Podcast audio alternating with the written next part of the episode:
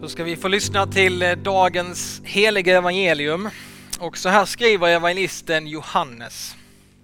Jesus sade, när hjälparen kommer, som jag ska sända er från Fadern, sanningens ande som utgår från Fadern, då ska han vittna om mig.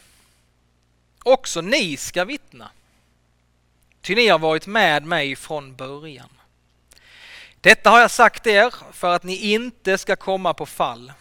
De ska utesluta er ur synagogorna. Ja, den tiden kommer då den som dödar er tror sig bära fram ett offer åt Gud. Och detta ska de göra därför att de inte har lärt känna Fadern och inte heller mig.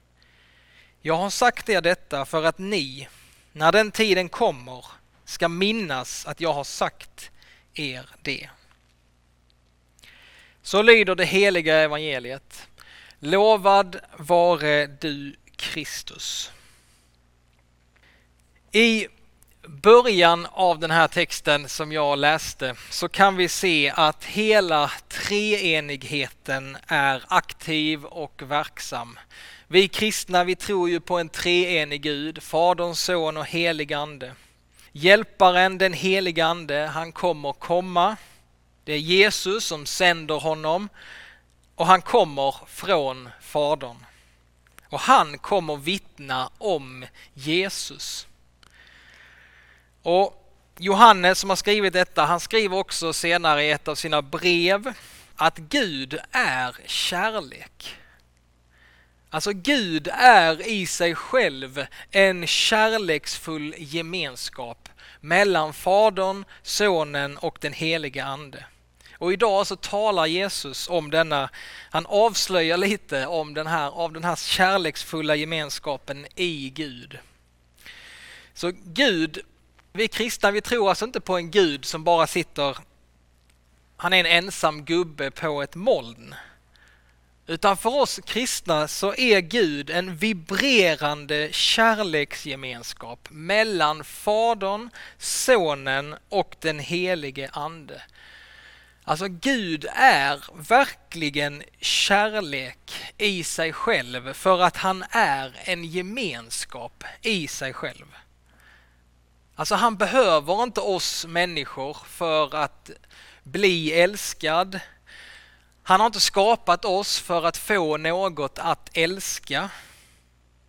Utan redan innan vi fanns, redan innan allting fanns så hade Gud allting han behövde i sig själv. För han är kärleken i sig själv. Men denna kärlek som är Gud, den flödade över och ur den här kärleken så skapades världen. Ur den här kärleken så skapades du och jag. Du och jag, vi är skapade för att bli en del av den här kärleksgemenskapen. Och om du är döpt så är du döpt in i den här gemenskapen. Alla vi som har blivit döpta, vi har döpts i Faderns och Sonens och i den helige Andes namn för att få tillhöra den här gemenskapen med den Gud som är gemenskap.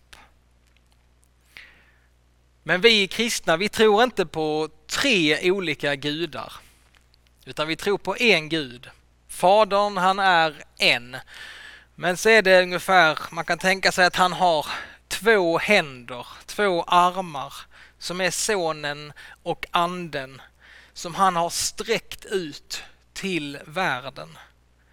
Sonen är frälsaren som har dött och som har uppstått för vår skull.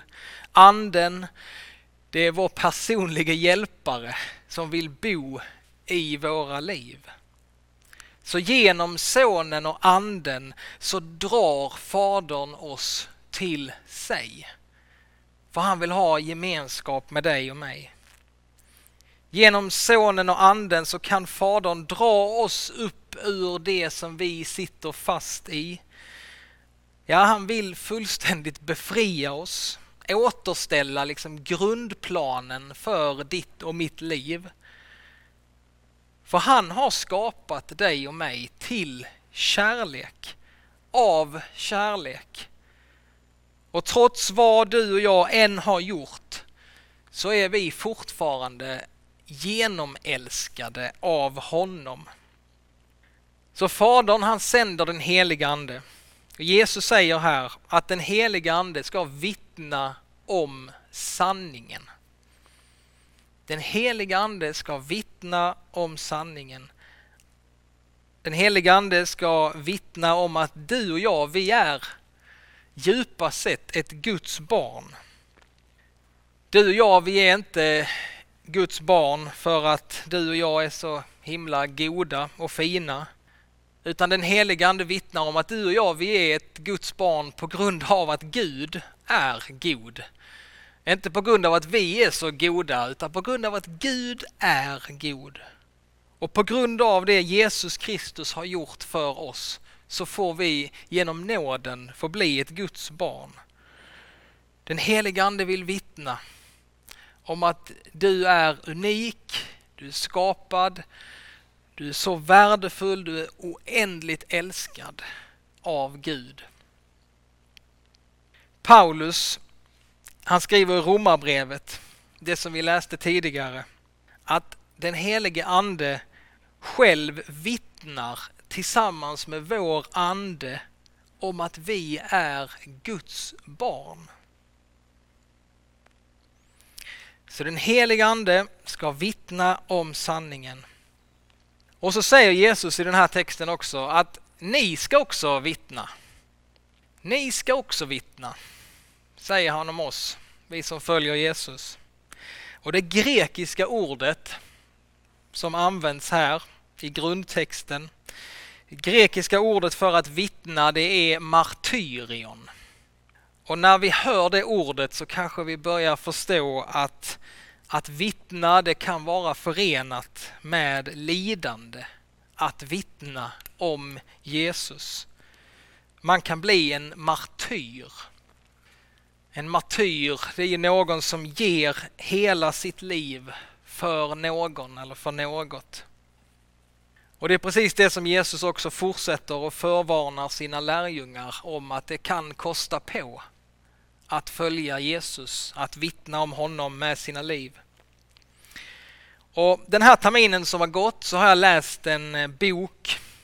Jag har läst en bok om den stora väckelsen som pågår i Iran. Det är helt eh, otroliga berättelser som man, eh, liksom, man knappt vågar tro att det är sant. Men fler och fler källor liksom, från olika håll så, så är det bara fler och fler som berättar om vad som håller på att hända inom Irans gränser. Iran det är ett muslimskt land. Det är förbjudet att eh, lämna den muslimska tron och bli kristen. Det är förbjudet att samlas till gudstjänst i Iran. Men det pågår en väckelse där utan massmöten, utan stora församlingar.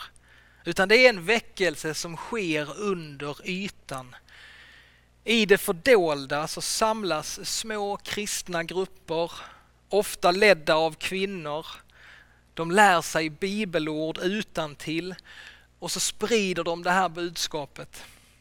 Inte från scener med starkt ljus och stort lovsångsband utan budskapet sprids från hjärta till hjärta. Och så får man höra hur Jesus Kristus möter människor där. Och hur den heliga Ande är verksam med helande, under och tecken. Men för de som blir kristna i Iran så är det, det är förenat med livsfara. Det är fängelse, tortyr, ja till och med dödsstraff. Och i boken som jag läste så ville författaren, han som har träffat många av de här iranska nykristna, ofta genom liksom digitala sändningar in i landet. Men han fick träffa några av de här i ett annat land, för själv så får han inte åka in i Iran. Men han träffade några av de här nykristna, han fick undervisa dem. Men han kände bara en sån oro för dem när de skulle åka tillbaka till Iran och han var ju tvungen att liksom förvarna dem och säga att det här är liksom, det är sånt stort allvar. Ni kommer, ni kommer kanske bli dödade när ni återvänder till ert land. Och då svarade de här nykristna ifrån Iran. Tidigare så hade de varit villiga att dö för Allah som för dem var långt borta och grym. Och så säger de, hur mycket mer är vi inte redo att dö för Jesus som har blivit vår vän och som är en kärleksfull Gud. Och så sa de till honom, du behöver inte bekymra dig för oss. Detta som Jesus också förvarnar lärjungarna för i den här texten om vad som kan krävas för oss som följer Jesus. Detta är en verklighet för så många kristna syskon runt om i världen. En verklighet som för oss liksom i Sverige och vi som är kristna här, det är, svårt att ta in det och förstå det. Men det är så viktigt att vi också låter oss beröras av detta för de är, de är våra syskon. Och visst är det så att de behöver våra förböner. Att vi ber för dem och att vi hjälper dem, att vi försöker liksom belysa deras situation, att det liksom kan bli bättre för dem. Men kanske ännu mer så behöver vi inspireras av dem. Alltså av deras mod deras överlåtelse och deras liksom, totala kärlek till Jesus. De är beredda att, att vittna om honom med sina liv, att bli liksom martyrer. Ja, Jesus säger till oss idag, också ni ska vittna, säger Jesus. Och för många av oss som hör det idag så tänker vi bara nej, Nej. Nej. Inte jag. Alltså nej, nej jag vill, nej, jag vill inte det. Eh, inte jag. Jag vet, alltså, jag vet inte vad jag ska säga. Det är, så, det är så jobbigt. Jag kan inte svara liksom, på alla knepiga frågor som kommer. Nej, inte, nej, jag vill inte det. Kanske många av oss reagerar så. Och Jesus säger, jo, Även du ska bli mitt vittne. Också du ska vittna. Och sen säger Jesus varför du och jag kan vittna om honom. Han säger så här. Ni ska bli, också ni ska vittna för att ni har varit med mig från början. Alltså Jesus säger, ni kan vittna för att ni har varit tillsammans med mig. Där har vi det ju. Alltså, där är ju lösningen. Just det. Vi kan bli vittnen för att vi har varit tillsammans med Jesus.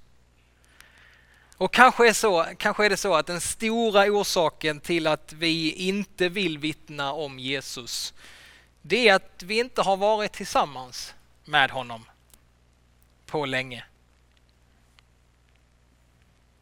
Men om du har varit nära Jesus, om du umgås med honom, ja då vill du gärna också prata om honom för andra.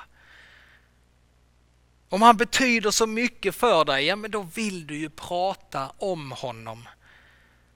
Du kan vittna om att han lever. Inte för att eh, liksom, kyrkan säger det eller att det står i Bibeln utan för att du själv har pratat med honom nyligen och kan säga att han lever. Jesus säger, jo, ni kan vittna om mig för att ni har varit tillsammans med mig. Det är precis det som Petrus och Johannes också säger i Apostlagärningarna när de blir förda inför det judiska stora rådet och de, det stora rådet där säger till eh, Petrus och Johannes, ni får inte längre säga, ni får inte prata om Jesus längre. Ni får inte vittna om att han lever längre. Ni måste sluta med det. Och Petrus och Johannes de säger, vi kan inte tiga med vad vi har sett och vad vi har hört. Alltså Petrus och Johannes de säger, vi har ju varit tillsammans med Jesus och därför kan vi inte tiga om honom. Vi kan inte sluta prata om honom för vi har ju varit tillsammans med honom. Men nu som avslutning tillbaka till där vi började den här predikan. Jag talade om hur Gud han är den här gemenskapen med Fadern, Sonen och den helige Ande. Och vi predikanter, vi kristna, vi kan predika mycket om hur vi ska bete oss som kristna. Vi kan säga vad vi ska göra och vad vi inte ska göra. Vi ska göra si, vi ska göra så. Men den djupa förändringen av våra liv det tror jag det kommer när vi verkligen förstår vem Gud är. Alltså vår gudsbild, hur vi ser på Gud, det påverkar oss mer än vad vi tror. Och jag kommer så tydligt ihåg i mitt eget liv när jag började förstå mer att Gud han är en sån, han är en kärleksfull gemenskap i sig själv. Han är inte bara en ensam gubbe som sitter på ett moln. Utan han är den här vibrerande kärleksgemenskapen i sig själv. Och för mig så innebar det att den dag när allting annat kommer att försvinna. När vi en dag får se liksom verkligheten så som den verkligen är när vi kommer få se den yttersta verkligheten, det som ligger bakom allting, ja, då kommer vi få möta en kärleksfull gemenskap med Fadern, Sonen och den helige Ande. Vi kommer få möta en självutgivande kärleksfull gemenskap. Det är den yttersta verkligheten. Det är vårt ursprung och det är vårt mål. Det är där vi kommer ifrån och det är dit jag är på väg. Så den människan här i världen som väljer att leva ett liv självisk i själviskhet, bara tänka på sig själv, leva liksom i girighet. Alltså den människan som bara lever för pengar, som trampar på andra för att själv komma högre, längre, rikare. Alltså den människan kommer falla väldigt tungt när hon får möta sin skapare och när hon får se liksom vad som finns i den yttersta verkligheten. Alltså om Gud är kärlek och om han är mitt ursprung och mitt mål, ja då vill jag ju här i livet leva ett sånt liv. Alltså då finns det ju inget bättre än att få leva i den gemenskapen med Fadern, Sonen och den helige Ande.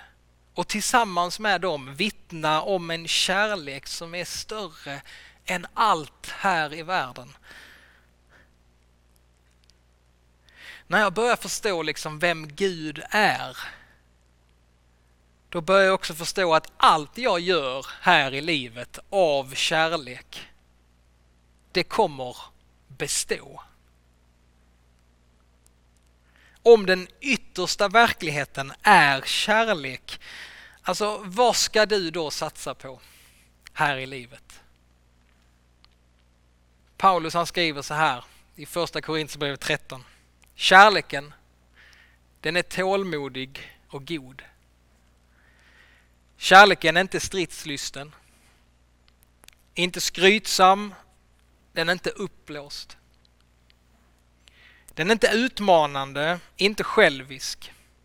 Den brusar inte upp och den vill ingen något ont.